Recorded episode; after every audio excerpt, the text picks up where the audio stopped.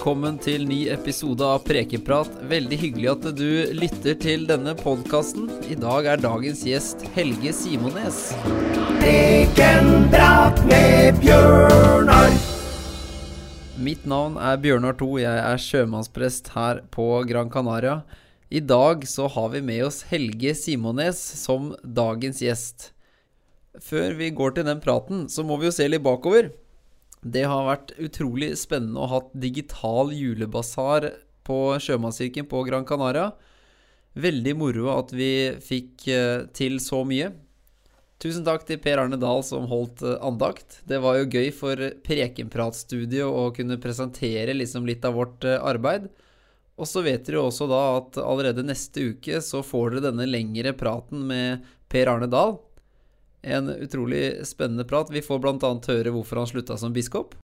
Men nå kan dere gjøre dere klar til denne ukens gjest, Helge Simones. Den praten hadde jeg sammen med Daniel, og her får dere eh, jinglen som eh, Bjørn WW Jørgensen har laga for oss. God lytting.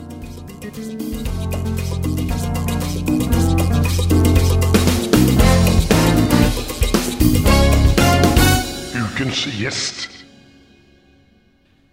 Helge Simones, eh, velkommen til Prekenprat. Takk skal du ha for det. Utrolig hyggelig at du kan sette av en, eh, ja, en formiddag eh, sammen med oss og prate om ja, bibeltekster, men ikke minst at vi får muligheten til å treffe deg og høre litt hva du driver med og bli kjent med deg. Ja, det er jo litt stille periode her i Norge også nå, fordi at det, jo, det meste er jo blitt nedstengt. Så jeg holder jo mye foredrag og hadde planlagt mye denne høsten. Og så mye latt seg gjennomføre med redusert deltakelse, men nå er det helt bråstopp. Så nå, nå, er det å sitte på kontoret og skrive og gjøre de tingene som du ikke har fått tid til tidligere. Så det er jo en situasjon som er litt uvant, men han må jo bare gjøre det beste ut av den. Ja, Det er interessant du sier, for det har skjønt at det har stramma seg bra til i, i Norge. Og du driver nå Altså, du er vant til å reise rundt og, og møte folk, egentlig, du nå. Og det passer dårlig med sånn som det er nå? Ja. Det ble jo bråstopp 12.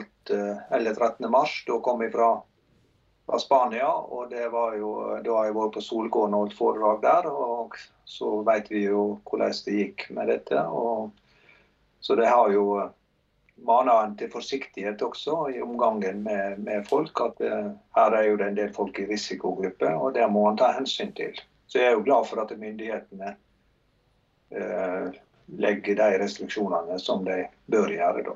Og tross alt så er jo ikke Norge veldig hardt ramma sammenlignet med veldig mange andre land. Nei, det er klart. Du sier noe. Men eh, Helge, det er jo mange som kjenner deg via dine foredrag. Jeg nevnte for deg at eh, mine foreldre bl.a. var eh, svært begeistra etter at du var i Sandefjord. Ja, da holdt de vel et foredrag som heter 'God bless America'. Falske nyheter som førte Donald Trump til Det hvite hus. Det er Og riktig. Det høres ut som det handler veldig mye om Trump, men det jo, handler jo først og fremst om hvordan vi eller risikoen i det religiøse språket. Og når politikere Vi ser jo en stadig større, sterkere tendens til at, at politikere verden over nå bruker religiøst språk og spiller på religiøse følelser. Og Donald Trump ble jo et skoleeksempel på dette.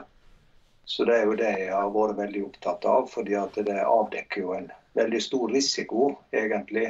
Eh, samfunnsrisiko ved det religiøse språket når det blir kidnappet og brukt på feil måte. Så det er det jeg har snakka mye om. Jeg skjønner. Det der må vi høre litt mer om. Jeg, jeg må samtidig også uh, spørre deg litt, for jeg kjenner deg først og fremst som uh, redaktør i, i, Vårt Land. Kan det, kan det, stemme? Ja, jeg var sjefredaktør i Vårt Land i 25 år. Og slutta, slutta i 2016. Og da ble det en eh, sterkere, sterkere bevissthet hos meg om at dette med det religiøse språket er ganske viktig å analysere. Så jeg har skrevet et par bøker om det. Eh, 'En gud for de mange' og 'Kampen om korset i politikken' de siste åra. Og eh, da er jo det noe som går igjen eh, hver gang jeg analyserer dette. At vi må våge å se på risikoen også i språket. Eh, vi er jo vant til at, eh, å tenke nesten bare på et bibelord. I begynnelsen var ordet, og da tenker vi utelukkende positivt om det. Men eh, orda kan jo starte noe som er utrolig negativt også, og særlig når det blir eh, misbrukt og, og feiltolka. Så kan det bli virkelig ille, fordi at det er så sterke følelser i, i dette språket. Hva er det som liksom har trigga den interessen der i forhold til å gå helt ut i bokskriving, og du har møtt tolv uh, biskoper som du har på en måte intervjua, eller hva du har gjort? Du, du, du, har fått et eller annet uh, Du har fått interesse for et eller annet her. Hva, hva, er det noe utløsende årsak her? Ja, det er nok det at i løpet av tida som Vårt Land-redaktør, så fikk jeg veldig mange eh, telefoner, eh, brev og e-poster der det var Veldig mange av dem var jo helt greie i sitt innhold, men noen var veldig sterke og påståelige om hva, hva Gud hadde bestemt. Det lå en veldig sånn tenkning om at Gud hadde planer, og, eh, og at vi måtte sørge for oss å, å, være en del av Guds plan. Eh, og det var ikke bare eh, i det private religiøse livet, men også inn i politikken. Det var liksom ikke tvil om hva som var det rette politiske standpunktet i politiske stridssaker. Og det, den, eh, den høyrestøtten og den eh, sterke påstandene, det trigger meg til å tenke at eh, hvis dette går ut i samfunnet sånn generelt, så er det mange som ville stille spørsmål ved, ved hvordan Bibelen blir brukt, og hvordan språket blir brukt. Og jeg tenker også at det handler om troverdigheten til kirka. Og vi ser jo det at i USA er jo det nå et kolossalt problem for kirkene. at de har, eller en del protestantiske kirker særlig, at de har stilt seg så på lag med Donald Trump. Det var jo 80 som stemte, av de hvite evangelikale som stemte på han ved forrige valg. Og uh, det ser ut til at det er ikke så veldig mye mindre Eh, nå ved valget i 2020. Og Når vi ser hva han har prestert i løpet av fire år som president, så er jo det enda mer eh, Ja, det skaper jo enda mer usikkerhet og eh, opplevelse av at det har ingen lært av det som har skjedd i løpet av fire år.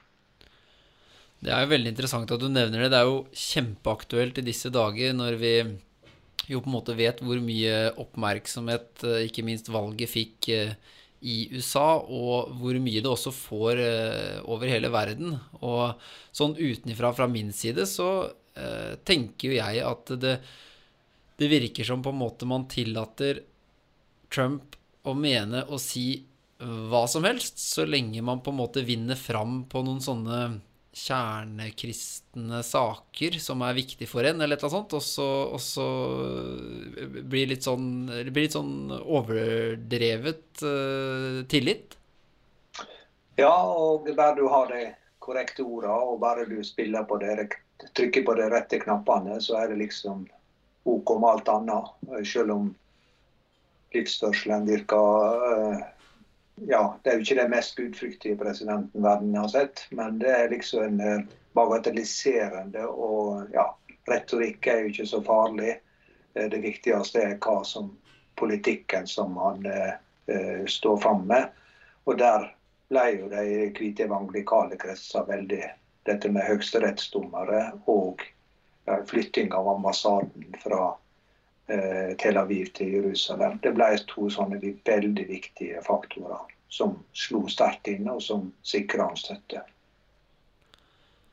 Når du eh, reiser rundt med dette eh, temaet, sånn som når du eh, var i Sandefjord, hvordan Altså, vi er jo i Norge, på en måte, så, så på en måte det, det, er kanskje like røster, eller liksom Hvordan opplever du det blir tatt imot?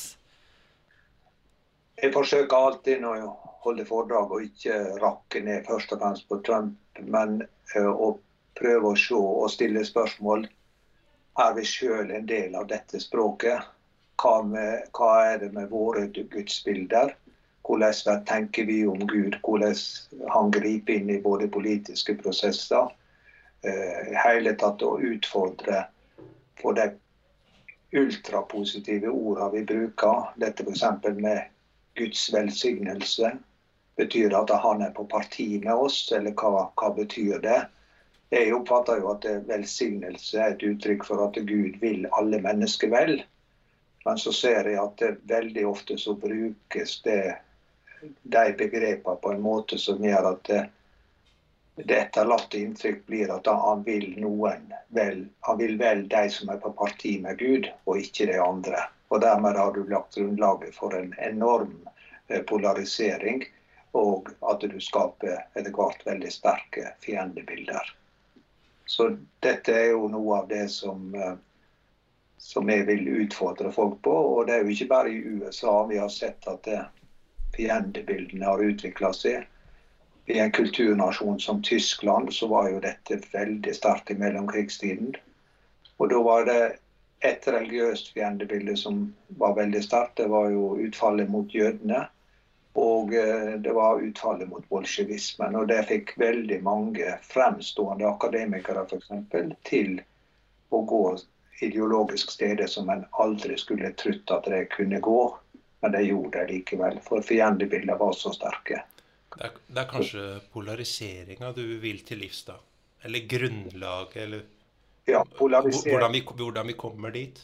Ja, og hvordan vi bruker og hvordan vi kan risikere at det, det kristelige og åndelige språket blir en del av polariseringa. Ja.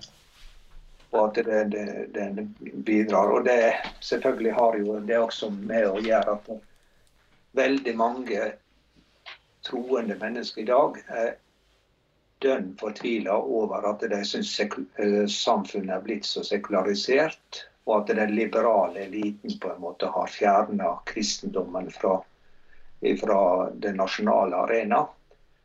Og eh, da kan du, når du spiller på dette, at det endelig er det en politiker som tar uh, Guds ord i sin munn, eller tar Bibelen og løfter den, slik som Trump gjorde, eller, Trump, eller Sylvi Listhaug som bruker, bruker korset i, i halsgropa, så er det mange troende som blir så glade over det at de kjøper veldig mye av det som blir sagt, uten å, å reflektere over hva er det egentlig som er hovedbudskapet her. Og Nesten uten unntak så ser jeg at det er en front imot innvandring.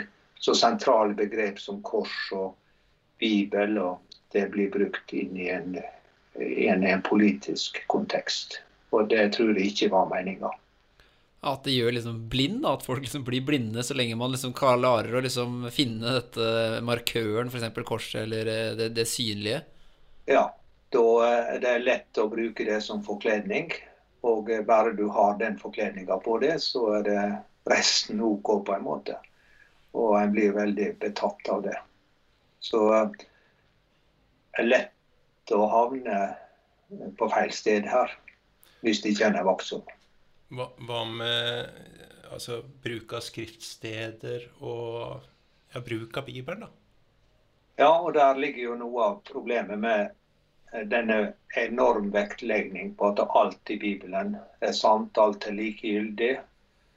Og bare hvis vi ser forskjellen mellom Det gamle testamentet og Det nye testamentet Det gamle testamentet er jo veldig prega av eh, nasjonalistisk tenkning. Det var Israel som skulle reises opp. Og når de skriftordene brukes inn i en annen sammenheng, så, så er jo ikke det rart at folk feiltolker og at det går galt av sted.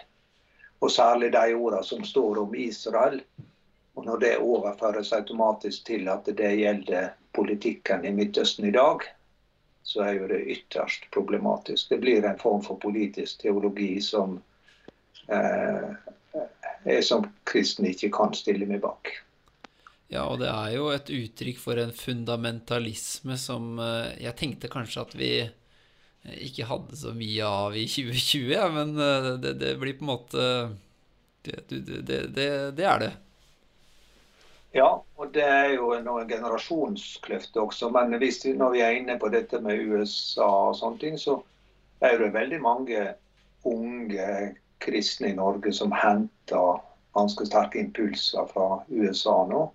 Går på bibelskoler der, og, og det er jo et Altså, Jeg har ikke svaret på hvorfor de hvite evangelikale kristne gjør som de gjør der borte. Det er jo et annet politisk system. De har et topartisystem. Og, men jeg føler jo at det, de hvite evangelikale kristne er på mange måter i slektskap med det som Iallfall det vi kan kalle lekfolket i Norge og frikirkeligheten i Norge. Jeg tror du finner veldig mye av de samme teologiske tankene der i disse miljøene, både i Norge og USA og i verden over. F.eks. Brasil, som har hatt en veldig stor pentekostal vekkelse. Der har jo Sjer Messias Bolsonaro fått enormt sterk støtte fra disse, disse uh, miljøene. Og han, uh, han kalles jo for tropenes Trump, og har spilt på akkurat de samme tinga som Trump gjorde i sine valgkamper.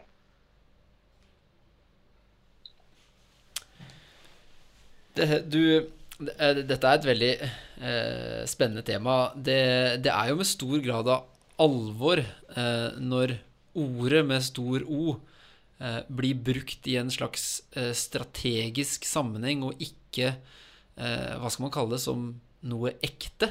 Det, altså for meg som prest og en som er hva skal man kalle det, en åndelig leder, så er jo det det er jo et overgrep som er uh, Altså det er, det er, langt over streken, da. Ja, men det hviler jo et veldig stort ansvar på alle de som er åndelige ledere nå, til å snakke om dette. For vi, i Norge så har vi en tradisjon om at du ikke skal blande religion og politikk. Det, det skal liksom være en privatsak. Og jeg tenker når religion nå blir misbrukt til de grader, så må vi kanskje tenke motsatt. At vi må begynne å snakke om det. Vi må begynne å, å, å få det opp til overflaten. Og, eh, men jo, jeg ser jo det at det er veldig følsomt. For gjør du det fra en preikestol, så det en, kan det bli vanskelig. Men eh, jeg er jo glad for Jeg holder ca. 100 foredrag i året. Og eh, syns jo det er utrolig stimulerende å, å, å, reise rundt og snakke om det på denne måten. Og jeg har jo tro på at å få i gang en samtale om disse tinga, at det vil kunne øke iallfall bevisstheten og refleksjonen. Og Der er jo det spesielt fint å være på sjømannskirke og sånne ting. For der opplever jeg at folk har tid til å tenke gjennom litt store spørsmål. Og, og jeg setter litt kanskje på avstand også. Så uh, det har vært meningsfullt for meg. Ja, du, Det er litt interessant at uh, når man reiser ut, på en måte, så kan man se det litt mer i perspektiv enn når man er helt tett på og har det liksom, i sin hjemmekommune? Ja, det er et eller annet som skjer der når du får en annen vinkel. og når du får et annet perspektiv. Eh, det er vel slik med mange ting. Eh, men jeg har møtt utrolig mange spennende personer i, eh, i disse miljøene. Og opplever at det har vært fint å ha meningsutveksling på dette planet. Så er det selvfølgelig noen som er veldig uenig med meg, fordi at jeg jeg tenker at jeg er politisk. Jeg er jo ikke opptatt av høyre, venstre eller eller noe av det. Men jeg er opptatt av at hvordan religion blir brukt inn i politikken. Og eh, særlig når jeg ser at det blir misbruk. Og Det kan jo også gjelde på, på venstresida, at ordene brukes for sterkt. Og bibelordene. Hvordan, hvordan får, du, eh, får, du, liksom Er det folk som rekker opp hånda underveis i foredragsvirksomheten, eller åssen funker det, liksom? Nei, der er det slik at jeg alltid legger vekt på å ha en 20-30 minutter i etterkant av foredraget til at folk skal få både stille spørsmål, komme med kommentarer, og at vi kan få en meningsutveksling om det. Ja. Det har vært og det skaper jo på en måte nye ting også. Som jeg eh, så nå holder på å skrive en ny bok akkurat på bakgrunn av dette om, som heter 'Det er jo bare retorikk, det er jo bare teologi'. Altså eh, om hvor farlig det er å bagatellisere, og hvor viktig det er å ta opp dette språket til overflaten. Det er interessant. altså Igjen så pensler du litt på dette her med ordets makt. Ja. Det er det som er det er ordet og retorikk som er, er blitt det viktige for meg i det. Og det forsvinner jo ikke med, selv om nå Trump er, er ute av presidentstolen i USA, så er jo det veldig mange land i Europa som er sterkt preget av dette. Polen, Ungarn, Italia. Og kanskje kommer vi til å se litt av dette i valgkampen i Norge også eh, nå neste år. Ja, Du nevnte jo litt at vi har jo på en måte vært innom bits and pieces, deler, litt deler av det her også. Det var jo I nyhetssendingen på NRK så ble det lagt litt vekt på dette med at Trump på en måte har bana litt vei for det mer høyre-radikale politiske. Ja, det, jeg tenker jo at det, det er jo politikere som er ute etter å få makt, må jo bli litt interessert i hvordan det kan fungere hvis du snur helt det er 180 grader og sier at det, ja, kan de få makt ved å søke polarisering i stedet for konsensus? Mm. For det siste har jo vært liksom regelen at det, hvis du skal nå opp til den øverste divisjonen i politikken, så må du søke konsensus. Men så har jo eh, Trump hatt helt motsatt eh, vei inn i dette. Han har søkt polarisering, og til mer han har polarisert, til eh, mer i huga blir eh, motstanden, og til mer i huga blir støtteerklæringene. Så, eh, så, han er jo vel en av de presidentene som ikke har tenkt at han skal representere flertallet av amerikanerne, men han skal, han skal, få med seg så tilstrekkelig mange til at han ble valgt. Og Det mislyktes jo han nå i det siste valget. Han gjorde det. Det er jo akkurat det poenget der er veldig eh, interessant. da, For han gjør nesten et poeng ut av at han ikke skal eh, bringe folk til enighet, men eh, liksom nære under den eh, frustrasjon og sinne i at man på en måte enten har vært undertrykt og dermed skal komme i en posisjon for å heve seg over og vinne. Da. Han er veldig, veldig ekstrem i de type uttalelsene der.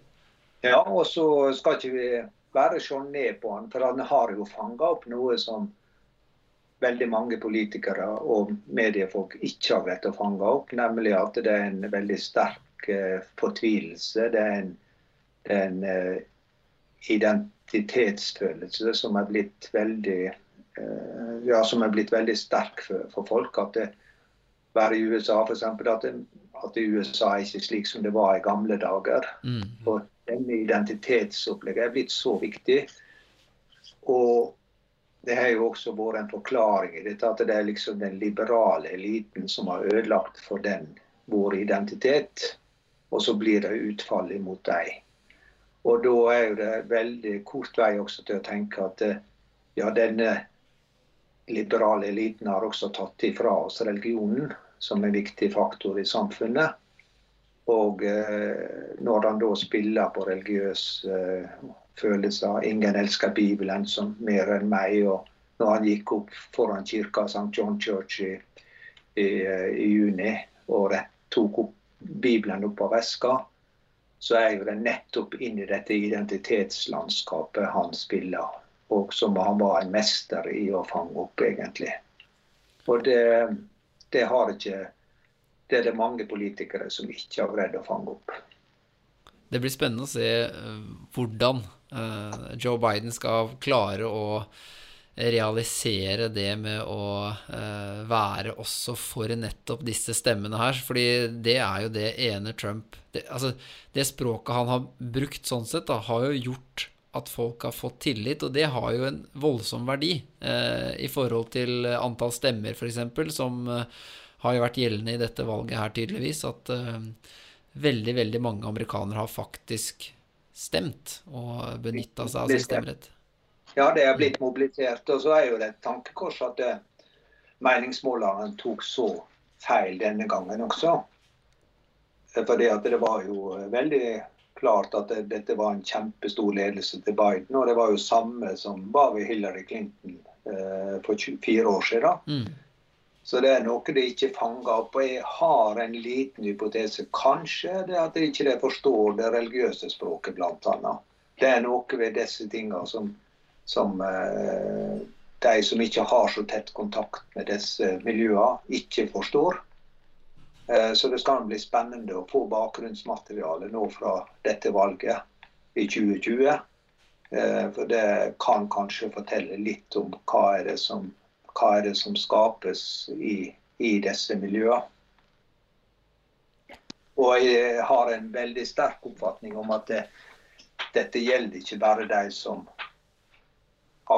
går aktivt i kirke, men det gjelder veldig mange av de som føler seg innenfor en kristen kulturbakgrunn, som har gått på søndagsskole, som har fått eh, sine gudsbilder gjennom den påvirkninga. Og der er det veldig sterkt at Gud er på parti med meg.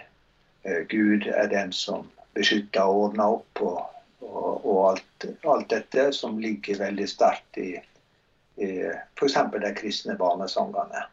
Og som langt flere har et sterkere forhold til enn det er bare de som går til aktivt til kirke og, og eh, menighet. Det er interessant spor, dette her. Eh, før vi kommer konkret inn på den bibelteksten jeg har gitt til deg første søndag i advent, der har vi en setning som, eh, som jeg sitter og tenker litt på. Dette med 'Herrens ånd er over meg'. Og dette du sier om eh, bruken av ordet velsignelse. Det er noen, det er noen potensialet for maktspråk i den teksten vi faktisk ble sendt. Men før vi, før vi går inn i den, og før vi på en måte eh, snakke litt konkret om eh, prekenteksten. Eh, noen sånn Altså, de som ikke kjenner til deg eh, fra før av, hvis du skal spole litt tilbake eh, og svare på spørsmålet hvem du er, hva, hva, hva, trekker du fram da? Du, du, du, er ikke fra, du er ikke fra Østlandet sånn som meg, f.eks.? Nei. Jeg er fra en liten bygd på Søre Sunnmøre som heter Eidsåm og Nylven kommune vokste opp på mange måter i et uh, litt sånn uh, bedehusmiljø, men jeg var i en periode helt definert ikke-troende. Så ble jeg omvendt på et møte med pinsepredikanten Emanuel Minos eh, i, i, Volda i, i, 1973. Fikk øyeblikkelig tilnavnet eh, Emanuel Desperados, for jeg var raskt med å fortelle hva som var løsninga. Og eh, var i veldig mange år aktiv i det som kalles Jesusvekkelsen, som gikk over eh, verden. Jeg var bl.a. heltidsarbeider i eh, en bevegelse som heter Ung Visjon i Molde, som la veldig vekt på evangelisering og, og eh, reiste rundt i fylket. Vi arrangerte store arrangement, Jesusfestivalen i Molde bl.a. Og så samtidig var jeg eh, journalist i Sunnmørsposten. Frilansjournalist, og etter hvert hadde jeg en eh, vikariat der. Og så begynte jeg å studere litt. Eh, tok eh, statsvitenskap og deretter økonomi. Og eh, havna på BI og ble siviløkonom. Og deretter så gikk veien til Vårt Land, og begynte, der jeg begynte som markedssjef. Og så ble jeg etter hvert sjefredaktør i Vårt Land. Spennende. Så det er veien. Også. så jeg har jo vært på en lang sånn reise, eh, også kristelig sett, fra denne veldig, denne veldig proklamerende eh, kristendommen til å eh, veie ordene mye mer og være klar over hva ordene kan gjøre. Jeg ble litt nysgjerrig på akkurat det, fordi du beskriver det som om du på en måte har eh, vært med på eh, kristent arbeid som er veldig oppsøkende, og som er veldig eh, ordrikt og veldig eh, frittalende. Eh, hvordan, vil du, hvordan vil du definere deg selv nå, holdt jeg på å si? Ja, nå er jeg veldig varsom med å bruke disse ja, jeg, jeg føler at det så mange har sagt opp gjennom tiden. Det er vel en mening med det. Gud har kontroll. Alt disse her som lett kan bli en, en sånn Ja. Jeg bruker ofte en fortelling om at jeg ble slått ned i kirke i, i, i eh, Frankrike for 12-13 år siden. Eh, de minnene kom jo opp igjen veldig sterkt når det var terror i kirka i Nis. Ja. Men jeg møtte altså en psykiatrisk pasient, en nordafrikaner, som, eh, som eh, ikke vel visste hva han gjorde. Men eh, jeg trodde at min siste time var kommet, og da er det veldig mange som sier at det var, det var Gud som redda det. Og så er jeg varsom med å føre det språket og være være sånn påståelig at dette var Guds verk. Fordi at det, du møter så mange mennesker som ikke har opplevd det, og som lurer på hvor var Gud den da, når det ikke han redda mitt barn eller redda min familie fra denne store ulykken. Så jeg er blitt varsom med det åndelige språket også. Og eh, tenker at vi må Vi må ikke etablere en kristendom som har en enorm fallhøyde i seg. Og eh, den fallhøyden, den syns de for mange, eller for få kristne har for lite bevisst forhold til. Det er interessant. Så eh, i en eh, tenkt situasjon, da, så ville du brukt Kunne du eh, fortalt om den hendelsen som veldig frimodig i forhold til Guds gjerning på jord, mens du i dag ikke ville være Du, du har ikke noe behov for å proklamere det så voldsomt? Nei, jeg opplever at veldig mange har sånt enormt behov for å skrive Gud inn i alt. Så jeg har jo formulert noen sånne noen Vær varsom-punkt i den ene boka mi. Den heter 'Gud for de mange'. og Det er f.eks. Vær varsom når du fristes til å være bastant i din tolkning av hvordan Bibelen skal forstås. Vær varsom når du fristes til å tenke at Gud velsigner deg mer enn andre. Vær varsom når du fristes til å hevde at Gud velger ut og velsigner folkeslag og nasjoner. Vær varsom når du fristes til å gjøre annerledes troende til fiender. Vær varsom når du fristes til å bruke Gud og evangeliet til politisk argumentasjon. Vær varsom når du fristes til å underkaste deg ledere som hevder at de har fått et spesielt kall og en autoritet fra Gud. Så det, Dette er det som jeg har satt opp i, i denne første boka som Vær varsom på. da. Jeg var jo styreleder i Norsk Presseforbund en periode, og vi har jo Vær varsom-plakaten på pressen. Så jeg har vel henta litt impulser derifra inn i dette. Det var interessant. Jeg jeg hørte det som en bønn, må jeg ærlig innrømme. Hjelp meg, Herre. Ja, ja, hjelp meg til å, å være varsom. Hjelp meg til å ikke gå på limpinnen. Og særlig i forhold til det, dette med politikken i dag. Hvor lett det er å la seg på en måte bli kasta ut på noe som du egentlig ikke skulle være med på, er jo veldig viktig å ha bevissthet om. Ja, og eh, man blir jo til stadighet kanskje litt overraska over seg selv over hvor mye behov man har for å tre frem. Og det også i forhold til det kristne språket og eh, opplevelser og sånne ting kan jo eh, bli veldig altoverskytende, og da er egentlig ikke det noe veldig mye bedre enn å være Å være ja det som janteloven advarer mot. Nei, Jeg er jo styreleder i en organisasjon som heter Misjonsalliansen. Og som når du hører ordet misjon, så tenker du det store og proklamerende ordene. Men vi har jo lagt vekt på at vi skal være en organisasjon som lever til Augustins tenkning om at, at det, er, det er ikke første ordene du skal, skal, høre, men gjerningene. Han sa vel at, at du skal være Vent et øyeblikk. Han sa følgende at evangeliet må forkynnes. Og så la han til om nødvendig med ord. Og det er jo noe som er blitt ganske viktig. Og da er vi også litt inn på den teksten som, som gjelder for denne preikesøndagen. Ja, du, veldig godt spor. Vi sånn som vi gjør det nå, så spiller vi av tekstlesningen. Eh, eh, og det er da Lukas 4, første søndag i advent. Det står skrevet i evangeliet etter Lukas. Jesus kom også til Nasaret, hvor han var vokst opp, og på sabbaten gikk han inn i synagogen slik han pleide. Da han reiste seg for å lese, rakte de ham profeten Jesajas bok. Han åpnet bokrullen og fant stedet der det står skrevet Herrens ånd er over meg, for han har salvet meg til å forkynne et godt budskap for de fattige. Han har sendt meg ut for å rope ut at fanger skal få frihet og blinde få syn igjen, for å sette undertrykte fri og rope ut et nådens år fra Herren. Så rullet han bokrullen sammen, rakte den til synagogetjeneren og satte seg. Alle i synagogen stirret spent på ham. Han begynte da med å si, I dag er dette skriftordet blitt oppfylt mens dere hørte på.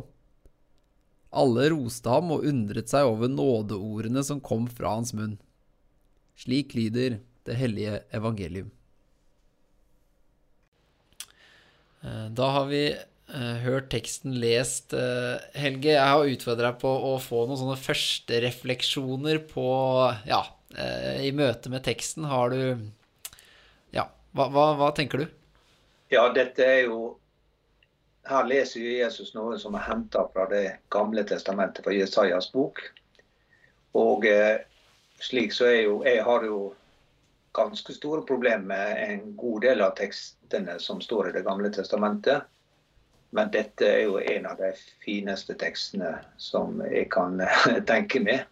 Eh, og eh, det er jo veldig interessant at Jesus bruker det som sin programerklæring. Eh, når han står, for det er jo det egentlig han gjør.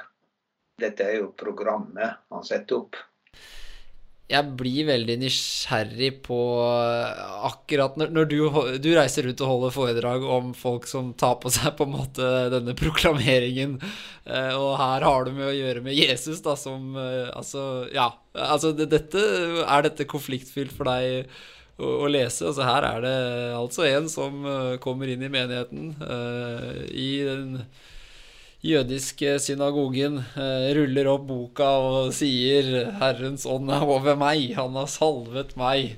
Altså, hva, hva, Hvordan sitter du i stolen da, Helge? Det er jeg veldig spent på. Ja, og hvis du da prøver å gå det Altså, jeg prøver jo å tenke alltid hva om vi, hva om vi leste Bibelen uten fasiten, uten et 2000 år gammel fasit? Ja, ja.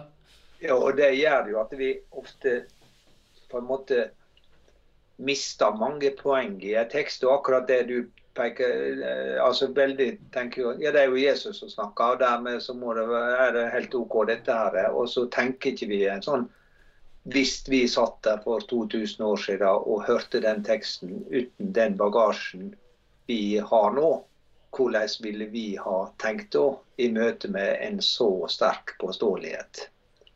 som Jesus eh, legger for dagen her. Og det er klart at det, det ville jo ha blitt et eh, antagelig hos mange Det var ikke bare hos eh, ortodokse jøder at det skapte et ramasprik. Det var sikkert mange som stilte spørsmålet hvem er dette? Men så må vi falle tilbake på at eh, Jesus var jo en person som Altså Det er jo troa at han var sendt for å formidle et budskap. Han var sendt av eh, Gud sjøl for å gjøre det. Og da, eh, blir det et litt annet perspektiv. Men eh, det, det, du, det, du, sier, det er jo at det ligger jo en, en mulighet for å, å, å, bruke retorikk også i denne teksten på en så sterk måte at du, du kan bli skremt av det. Og det er jo det som du viste at jeg snakka om, da. Ja, og hvis vi bare bringer det helt videre og litt vekk fra situasjonen som på en måte var da for 2000 år siden, så må jeg innrømme at når jeg leste teksten med tanke på at vi skulle prate med deg, så, så var det faktisk det der med å påberope seg denne utvelgelsen og det, dette unike da med at jeg eh, Se på meg, se på meg. Jeg er jo en spesiell person. Ja. og som du sa det, være varsom med å kalle seg selv spesielt utkåret eller velsignet. Eh, å bruke ordet velsignelse på en slik måte. Eh, og der er det vel der du har litt sånn førstehåndskunnskap eh, i forhold til de brillene du har lest ulike folk med, og, og kanskje også fått telefoner, eller hvordan du har opplevd det. Ja, og det er jo Så det er jo all grunn til å være på vakt i møte med, med sånne uttrykk. Og det er jo Det var jo litt det som i enkelte kristne miljøer i USA også ble understreka i forhold til Trump, at han var den Gud hadde utvalgt. Han var liksom den litt urettferdige konkyros, eller som, som kunne gjøre eh, Selv om ikke han var så eh, plettfri kristelig sett, så kunne han eh, gjøre store ting, for han var utvalgt av Gud til å, å, gjøre det. Det var jo enkelte som sa han er den eneste som er sterk nok til å utfordre den liberale eliten. Mm. Så her skal vi ha masse vaktsomhetsperspektiv i dette. Men uh, vi leser det vel med Jesus er Jesus. Jesus er Guds sønn. Og da blir jo det på en måte litt Eh, lettere å akseptere. Men hvem som helst andre som hadde sagt det, ville vært vanskelig. Og så vil vi da med en gang få spørsmålet ja, hvordan vet du at Gud, dette er Guds sønn? Mm. Og det er jo Da er vi jo inne på dette med, med tro, da. Det er et veldig godt uh, poeng. Det jeg satt og tenkte litt på Han rullet bokrullen sammen, rakte den til synagogetigeren og sa um, Den reaksjonen som kommer etterpå, uh, for, den gjør litt inntrykk på meg.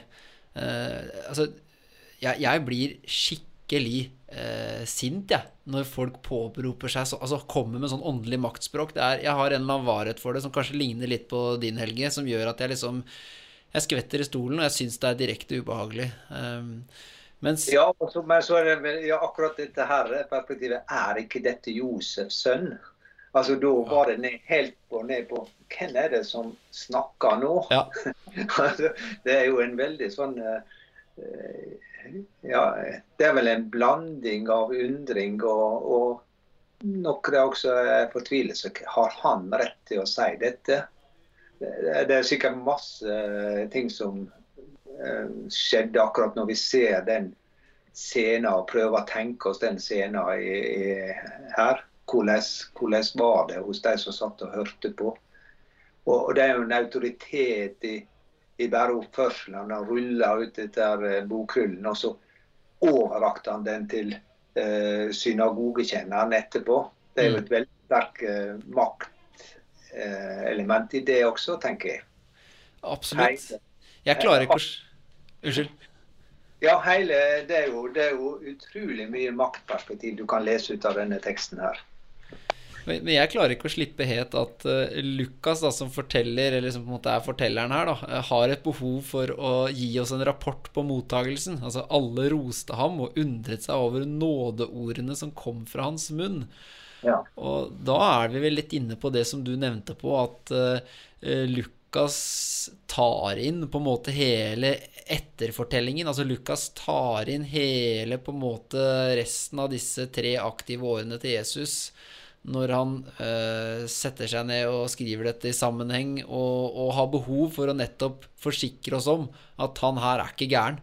Eh, alle de som var der, roste ham og undret seg over nådeordene. Altså, er, han prøver virkelig eh, å, å forsikre leseren om at dette er dette er litt uh, Dette er bra greier, og ikke ubra ja. greier. Dette er ordentlige saker. Ja. Og, ja. Men uh, slik er det med veldig mange tekster i uh, Bibelen. Du kan, du kan få og, og, det er jo det som jeg syns er så fint med denne samtalen her, at her reflekterer vi over en tekst. Vi utlegger ikke en tekst først og fremst, men vi reflekterer over den. Og I et evangeliseringsperspektiv så er det kanskje litt eh, svakere, men i et eh, filosofisk, i et litt mer sånn eh, filosof, religiøs, religiøst filosofisk perspektiv, så tror jeg at det er mer slitesterkt. Og, eh, og eh, det å våge å gå inn i tekstene med hele den undringa og motforestillinga og det som vi sitter og holder på med nå. Kan det ha noe å gjøre med liksom kontekst? Altså når det blir veldig sånne utrop eller eh, proklamasjoner, se for deg en på gata-situasjon eller en tale med kort taletid, eller at det blir veldig sånn kontekstløst? Ja, og når du sier på gata, i og med at jeg var på veldig mye på gata som Jesus' disippel, så eh, det var jo de korthugne setningene som ble ropt ut der også. Ja. Og så har vi fått det tilbake så til de grader med sosiale medier. Ja. At, eh, at nå er jo det de korthugne setningene som gjelder både på Twitter og Facebook. Og jeg, og, jeg har hatt en diskusjon med Vebjørn Selbekk nå. Jeg er spaltist i Dagsavisen og skrev noe om at eh, jeg mislikte hans utfall i litt for generaliserende vendinger mot islam. Og, også, så, og Jeg skrev også at eh, må ikke vi også kristne feie for vår egen dør? Og så kom det et motsvar fra Vebjørn Selberg som jeg syntes var veldig bra, og som var, helt, eh, og som var et langt og godt resonnement i. Og nå skal jeg sette og tenke på, skal jeg skrive et svar på det. Og det som er svaret mitt, det er jo at det, det som ødelegger, det er disse her eh, bombastiske meldingene på sosiale medier. Og at vi må sørge for eh, å få inn refleksjonen og uh, dybden i det vi holder på med. Og, Ja, for- Sånn må vi også gjøre i forhold til tekstene, tenker jeg. Bibeltekstene. Vi snakka om det her nede, faktisk, med han som er daglig leder her, i forhold til dette med kontekst. Da, at eh, selv, eh, selv i en prekensituasjon, hvor man leser en, et lite utdrag, da, kanskje fra, til og med fra et lite avsnitt, så, så er det på en måte Man kan ikke ta det for gitt at folk kjenner på en måte liksom f.eks. bibelfortellingen så godt at man vet hva slags situasjon denne teksten blir lest og henta ut fra, og at det kanskje er en større utfordring nå enn for noen år siden? Ja, vi er bare vant til å ta nesten ord for ord og setning for setning og si at det, slik tenker Gud, slik eh, mener Jesus. Og så gir vi det en voldsom autoritet ut, uten at vi egentlig setter det inn i en sammenheng. Og dette gikk jo sikkert ganske bra så lenge det var veldig lavt ut, utdanna folk som satt på det. Men eh, bare, bare vent et øyeblikk. Den er god. Ja. Eh, men det er jo nettopp dette og, som til høyre det mer utdanning folk får, til mer er de vant til å lese ting i, og oppleve ting i kontekst. Og hvis vi ikke tar med oss konteksten, så gjør vi eh, ganske Da, da gjør vi noe som gjør at kirka kommer til å komme på veldig på defensiven, tenker jeg. Og da blir det dette proklamatoriske vi sitter igjen med, uten å forklare. Eh, og uten å ta hensyn til de følelsene veldig mange som hører på teksten, eh, sitter med. Og det er akkurat den konteksten som er så viktig. Og det er derfor at vi har bl.a. teologer, at de skal, de skal være så skolerte at de har, har den konteksten inne og kan forklare sammenhengen i det. Og av og til så kan det jo bli at sammenhengen blir nesten motsatt av det du på en måte ser eh, i teksten ved første øyekast. Da kommer modifikasjonen inn. Da kommer det inn noe som, eh, som eh, ja, gjør at du får helt nye perspektiv. Det er kanskje noe med å ta både den tid, kultur, språk det er skrevet inn i, inn i på alvor, men også hvordan, hvordan eh, det blir forstått i vår tid. Ja. Altså, man må ha kanskje både de Begge de to eh, hensynene, tankene, perspektivene med seg. For at ha- det skal bli fruktbart. Ja, du må ha en historisk kompetanse også.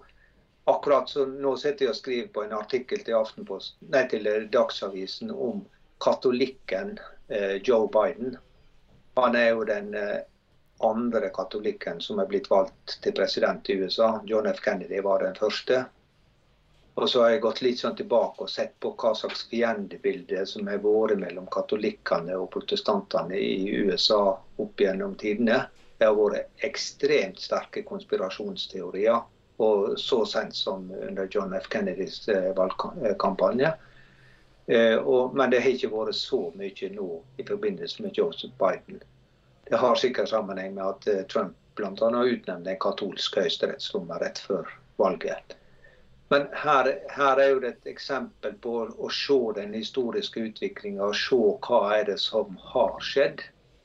Og eh, Det er jo litt lettere for oss når vi er i vår nære historie, men vi tror ikke vi har inni oss hele den, det som det historiske perspektivet i, i Hødeland. Det tror jeg av og til er vanskelig for de fleste å få med seg fullt ut. Hva var det som var der? Hva var det som prega samtiden? Hva var det som prega et, et land som egentlig var okkupert, og som hadde, var okkupert av virkelig av en stor makt. Her er jo det så mange ting som er interessante i det, det bildet også.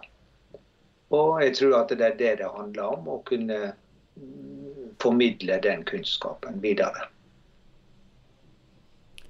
Jeg sitter og tenker litt på eh, Gi det eh, keiseren er, og Gud det eh, Gud er, eller hva Jesus sier. Det har jeg på en måte eh, På studiet og sånn, da, og i, i på en måte så, så har det eh, skriftstedet blitt brukt i forhold til at Jesus forholder seg til på en måte en Han forholder seg til mm, en politisk eller verdslig ledelse, eh, og, og, og prøver å ikke gjøre at alt handler om eh, Selv om alt dypest sett eh, handler om Gud. Eh, Og eh, til dette her så må jeg innrømme at eh, jeg blir litt utfordra av det du sier i forhold til ansvaret mitt som teolog. At eh, eh, det er jo faktisk det man eh, mener at eh, kirkens eh, ledere, eh, prester, eh, besitter en kompetanse til å nettopp veilede og navigere i eh, dette skriftlige stoffet, da, som er faktisk ganske omfattende. Og så viser det kanskje hvor eh, hva skal man si, dyptgripende og hvor stort og hvor eh, eh, Ja, hva er det jeg prøver å si? Dette er hvis, hvis man bruker det sånn u, ufaglært, så kan man på en måte liksom plukke biter eh, og skaffe seg også den autoriteten som jeg har brukt eh, hva skal man si, eh, livet mitt på å, å få. Så får man plutselig så får man en slags åndelig ledelsesautoritet uten å ha noe som helst kunnskap om stoffet man eh, taler om, da. Ja, og når du nevner dette bibelordet, gi keiseren det som keiseren, er Gud, det som Guds er, så er jo det enkelte som har tolka at eh, Jesus var nesten apolitisk. Mm. Altså at, det, det, at det skal, eh, den myndigheten du har fått, det skal du på en måte akseptere. Og vi vet jo hvor galt det har gått når en er blitt servile overfor den myndigheten som er blitt valgt også. Ikke bare diktatorer, men også de som blir valgt. Eh, kristne kirker, særlig den protestantiske kirke, makter jo ikke å reise seg mot Hitler og yte den motstand som de burde ha gjort. Og det er jo nettopp ut fra sånne perspektiver at det er gitt at du skal lyde styresmaktene dine. Og jeg kan ikke skjønne at det er et rett perspektiv. Kirka skal tvert imot utfordre og stille spørsmål ved hva er det slags eh, eh, politisk ledelse du har, og hva er det de gjør. Og når vi ser hvor situasjonen er i, Russland nå, med, så er jo det ganske forstemmende å se hvordan eh, f.eks. den russiske ortodokse kirka og Putin spiller på lag i en veldig sånn nasjonalistisk perspektiv. Så eh, dette er så, etter min mening, så viktig å få et bevisst forhold til. Og det begynner med ordene. Det begynner med hvordan vi, vi går inn i det, tenker jeg. det er en utrolig veldig viktig, eh, viktig navigering det gjør der. Fordi det blir så lett at eh, det blir så lett at dette ene skriftåret trumfer på en måte en hel, en hel praksis. Jesus utfordrer jo på en måte liksom den tanken om at det skal være den ene eller den andre. Altså at det skal være enten-eller. Uh, og, og, og, vi mennesker har kanskje litt lett for at uh, Ja, ok, greit, hvis han sier at jeg ikke skal bry meg om hva keiseren gjør, men bare betale skatten, så da er det på en måte Da er det på en måte Ja, men greit, da veit jeg hva jeg skal forholde seg til. Men Jesus til stadighet uh, utfordrer den parallelliteten som er noen ganger mellom på en måte Guds rike, vårt rike, mellom mennesker og Gud, mellom på en måte Eh, det gode og onde. Det er, noen, det er noen ting som ikke går opp av tematikker som eh, vi gjerne skulle fiksa mye kjappere.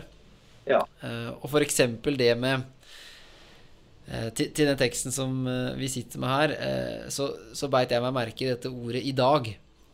Altså, i, i, dag så har på en måte altså, Det er jo gudsrike-tegnene som blir sitert fra uh, Jesajas bok. I dag så på en måte uh, har det kommet, denne regjeringstiden har kommet i dag med meg, da, så er Guds rike Teksten er vel i Jesajas bok. Hvor lenge var hun skrevet før Jesu? Var det 1500 år? Ja, ikke sant? Og så plutselig er det en i løpet av 15 år. Jeg har sett lyset, nå er det skjedd. Ja, og han, og han sitter der egentlig og på en måte sier altså det som har blitt Eh, et teologisk begrep, da inkarnasjonen, og dette med at Gud er kommet eh, nær. Eh, og det interessante med det er jo at det er jo ikke feil å hevde at Gud er nærværende. Det, det, er jo nettopp et bibelsk tema. Det er jo ikke feil å på en måte påberope seg et slags medarbeiderskap i Guds rike. Det er jo på en måte et hovedtema i det å på en måte i hvert fall i den lutherske kirke, da, å eh, reflektere et sånt allerede nå, men ennå ikke-perspektiv. Men, eh, men eh, hva, hva, tenker du om det? At han sier at han er den som er, er midt i dette, det er jo det som måtte være provokativt for de som satt og hørte på, men som også det ble. Det var jo en sånn autoritet at, det, at de kjøpte det. Ja, eller i hvert fall så tenker jeg at uh, Lukas uh, han ble jo på en måte en som virkelig ble en som noterte seg ned og ga dette videre, da. Og i, i sånn kristen terminologi så er dette med å gi ting videre, altså kjærlighet, godhet, glede Det er jo på en måte sånne ja, i, i Paulus sine ord så kalles det for åndens frukter. Altså dette her med Eh, at vi kan eh, se spor av Gud, det er jo på en måte et veldig sentralt bibelsk poeng. Så det er jo ikke helt Det er jo ikke på en måte helt uh, uaktuelt eller borti natta å snakke om velsignelse, men det er noe litt annet uh, Det er noe på en måte litt annet du mener da, når du snakker om at man ikke kan uh, Skal vi se se spor av Gud i verden. Nei, og, ja, og det er jo et helt annet perspektiv. F.eks. I, USA, for å komme tilbake dit, så er jo det mange eh, av de store menighetene som er såkalte herlighetsteologiske. At eh, Gud skal ordne alt slik at du blir rik og får god helse. Og her er det på en måte helt det motsatte perspektivet. Eh, Gud går til de aller svakeste og ser eh, behova. Og, og det handler ikke om at du skal få mest mulig av dette personlig, men det handler om at du skal få med en Gud som lever, og som veit om situasjonen til folk. Nå syns jeg du pensjer dette her inn på noe av det som ville vært kjernestoffet mitt i forhold til å, å bringe teksten videre til folk, f.eks. i en prekensituasjon. Eh, fordi Eh, Lukas, som kalles eh, det, det, fattiges evangelium, har jo et ekstremt fokus på de nødlidende. Eh, og hvordan Gud identifiserer seg med de som ikke har status. Mm. Og sånn sett så blir det jo helt komisk at noen påberoper seg på en måte Guds på en måte eh, representasjon gjennom å være spesielt utvalgt eller heldig eller rik eller privilegert. fordi hvis du går i hvert fall inn i Lukas evangeliet, så er, eh, så er det jo dette her med Guds sin identifikasjon med de svake, de som ikke er i posisjoner, de som er helt avhengig av eh, Guds hjelp og nærvær. Ja. Nei, og sånn sett så er jo dette en nydelig tekst. Og det er eh, første søndag i advent-tekst. Så det er en håpstekst også. Og det er første søndag eh, at det er tekster første søndag i, i advent, det angir et, på en måte et program for kirken også. Dette er det vesentlige vi har å. Det er, det er sentralt eh, poeng. Du kalte det for programerklæring. Den er ikke, det er ikke et dumt ord. Nei. Nei, jeg føler at det er, noe, det er en programerklæring som ligger her. Det er det. Du Helge, eh, veldig hyggelig å prate med deg. Eh, jeg blir helt eh, fascinert jeg har slukt inn i, i, det du er opptatt av. Det, det, er veldig inspirerende å høre på. Ja, inspirert håper jeg du også ble. Jeg og Daniel koste oss iallfall med å prate med Helge. Han hadde lyst til å komme til Gran Canaria. Jeg håper den muligheten byr seg både for han og, og flere. Neste uke så møter vi Per Arne Dahl i en utvida prat. Og som jeg sa innledningsvis, eh, da får vi jo litt svaret på hvorfor han slutta tidligere enn det han egentlig hadde tenkt som biskop. Følg med oss videre, og ha det så godt som du kan ha det. Tek en prat med Bjørnar.